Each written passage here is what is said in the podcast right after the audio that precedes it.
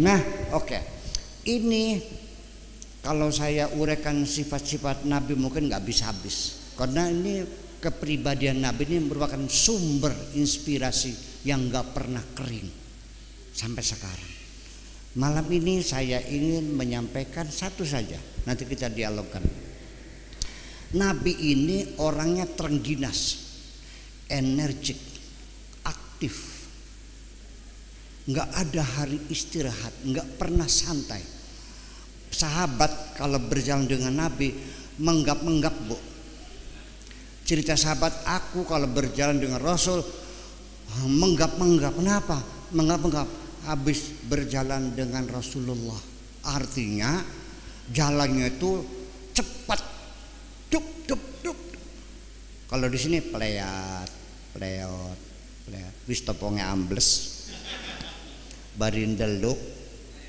Tangannya digendong, melakukan longlonan, tekluk, tekluk. Nabi cepat jalannya.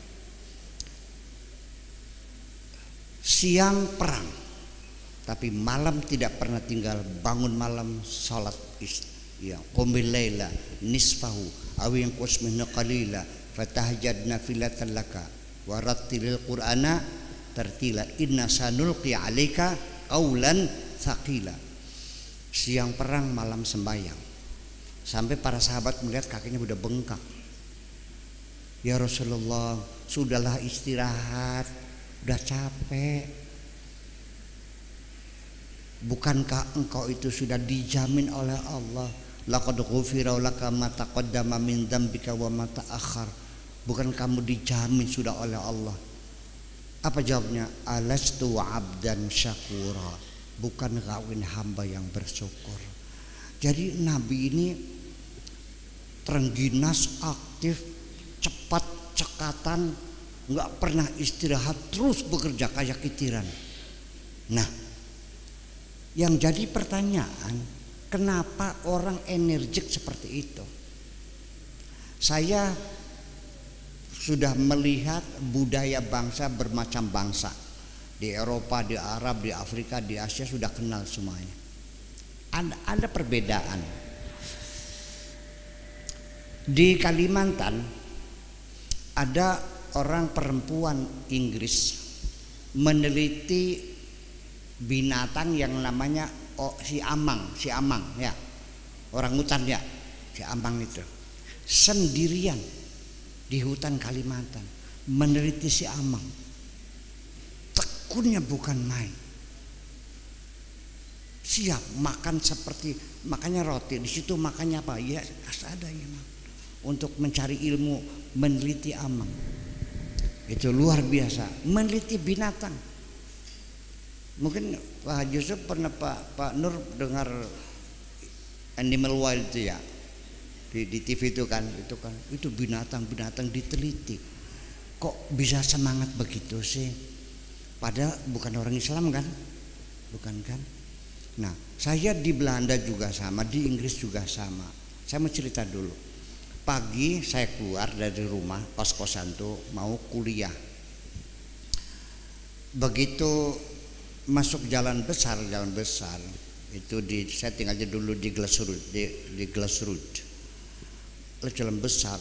Di pagi hari jam 6 itu ada orang hitam nyabrang enggak noleh lagi. Dong kecepatan tinggi. Duh. Kira-kira ada 3 meter meter pelantingnya tuh duh. Gitu itu orang sejalan nggak ada yang berhenti pak. Semua orang sibuk mau kerja semuanya. Saya juga nggak usah ngurusin ini dong semuanya ya kan gitu ada orang ngangkat telepon polisi halo ada kecelakaan di jalan sekian kilometer sekian. Tak udah dia berangkat lagi kok. Kalau di sini dirubung nggak? Terus dompetnya hilang beli.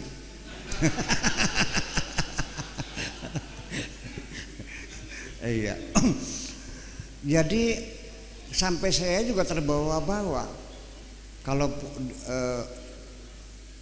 mau berangkat sekolah tuh beli sandwich segini roti itu dibelah terus dikasih sambel sama telur ceplok itu 5 pound sterling sama coca colanya satu. Itu sambil makan sambil lari-lari ngejar kereta api. Semua orang sana cepat. Nggak ada orang jalan pelan semua cepat semua. Ya kan gitu? Kok orang semangat semua sih? Tapi di sini pun ya apa karena faktor geografis mungkin udaranya nyaman barangkali ya?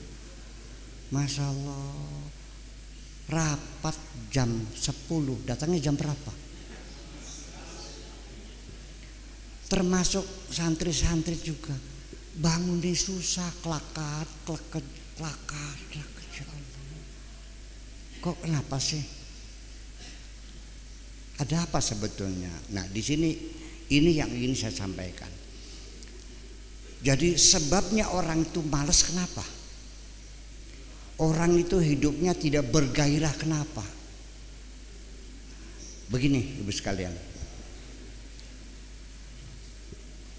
Supply bahan bakar untuk satu pesawat itu berapa volumenya itu tergantung jarak tempuh yang akan dicapai. Betul nggak? Kalau jarak tempuhnya dari Jakarta Amsterdam itu mungkin bahan bakarnya ribuan liter. Betul nggak? Kalau mau ke Singapura ya enggak dong. Saya dari cadang pinggan ke Dharma Bang Dharma Bangsa. 100 ribu cukup ya? Sampai ke Jakarta berapa? Satu juta. Nah kita juga sama. Kalau cita-cita kita pendek maka ya berjalannya juga pelan nah karena kita tidak punya cita-cita. Yang penting asal besok makan selesai. Luru rabi nggak usah yang nyatik si penting asal wadon.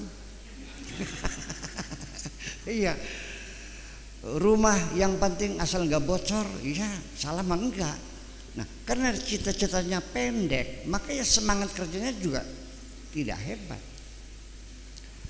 itu kemudian secara garis besarnya sebabnya kita ini malas kurang bergairah itu karena kita tidak punya pandangan hidup yang jelas yang kedua karena kita tidak punya cita-cita yang besar, hanya cita-cita yang kecil saja. Nah, itu juga. Yang ketiga ini adalah dari diri kita sendiri. Bahwa Allah memberikan energi sama. Cita-cita kita mau ke Jakarta. Sok apa begini hati kita besok aku mau ke Jakarta. Dari situ langsung di, di, ditransfer informasi dikirim ke otak kita, ya, lalu diolah oleh otak kita. Serentak otak sadar kita ini langsung mengeluarkan instruksi tanpa jeda waktu, secepat itu. Ke tangan, ke kaki, ke mata semuanya di, digerakkan. Mobil kita lihat banyak kempes di kompa oh, ini kurang power apa namanya sepurinya kurang disepurin dulu. Akhirnya dilihat barangkali kurang ditambah. Ah, olinya dilihat barangkali sudah waktunya ganti ganti dulu. Terus apa lagi uang ditunggak bensinnya pulang pergi satu juta nanti di hotelnya lima juta dihitung duitnya enggak dia ngambil ATM tambah lagi apalagi teman hotel Jakarta telepon lagi Betul nggak? Begitu sibuknya kerjakan ke Jakarta. Nah, kalau kita tidak ada keinginan ke mana-mana, apa yang kamu lakukan? Ya diam tidur. Paham nggak bu? Itu sebabnya. Nah, kadang-kadang keinginan ada, tetapi kadang-kadang dengan uh, kecil hati atau rendah diri, bukan rendah hati ya, rendah diri nanti bagaimana? Kalau saya pengen jadi kuwu nanti pemilihan duitnya dari mana nanti curnisnya gimana badihonya nggak jadi akhirnya. Betul nggak? Itu kita kira di, di, ditutup sendiri oleh kita mustahil terjadi nah itu nanti kita bicarakan bisa kita diskusikan yang keempat adalah kita sendiri yang menghancurkan semangat itu. Kenapa? Membiarkan hati kita kemasukan virus-virus yang membuat software itu menjadi ngehang atau ngehang buffering. Tidur jam 8 sore bangunnya jam 10 pagi. Itu pun masih nganyang. Iya buffering sih. Nah salah satu yang menyebabkan kita menjadi kehilangan semangat adalah karena di dalam hati kita ada rasa hasud nah untuk ini Allah menurunkan ayat khusus. Qul a'udzu birabbil falak min syarri ma Allah wa min syarri ghasikin wa min syarri nafatsati fil wa min syarri hasidin idza hasad. Karena hasud itu uh, idza hasada kalau ngamuk hasudnya. Kalau enggak enggak apa-apa. Ini dibiarkan hasud itu ngamuk hasud, orang hasud itu adalah orang yang uh, susah ketika melihat ada orang senang tetapi dia akan merasa senang kalau melihat ada orang susah. Orang hasud itu sebetulnya kalaupun dia bekerja keras pasti bukan dalam rangka mencapai tujuan. Tapi dia bekerja keras hanya untuk menggagalkan cita-cita orang lain. Ada tetangganya beli mobil Avanza, apa bilang, "Ya, paling kredit." Istrinya nyambung, nih potong kuping, tiga bulan tarik lagi. Padahal sudah laki rabiknya. Betul nggak? Setiap hari. Jadi otak kita berselancar ke situs-situs yang nggak benar mengintai orang kekayaan orang, mengintai bisnis orang, dianya nggak tahu apa maunya nggak jelas. Sampai tetangganya dilamar saja sakit hati dia. Padahal masih cantik anak saya loh. Kok kenapa jadi tangga yang jelek begitu? Sampai dioncok calon suaminya. Nang, katanya ngelamar tetangga. Iya gimana sih tolong amit-amit. Itu tuh anak sudah pernah hamil dua kali. Urusannya apa? Nah ini orang yang jiwanya hasut adalah orang yang tidak punya semangat hidup akan menjadi pemalas tidak punya cita cita-cita nah ibu-ibu sekalian coba saya mau nanya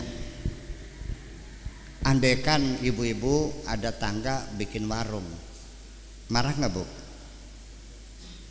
ibu punya warung ada tangga bikin warung marah nggak marah Ternyata sebulan dua bulan langganannya akhirnya habis belanjanya ke warung tetangga. Ngomong apa? Pasti Gunung Serandil.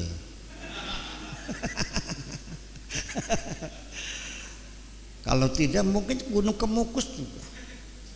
Sampai menebar gosip pada awas hati-hati. Jangan tuh ada gulang-gulangnya.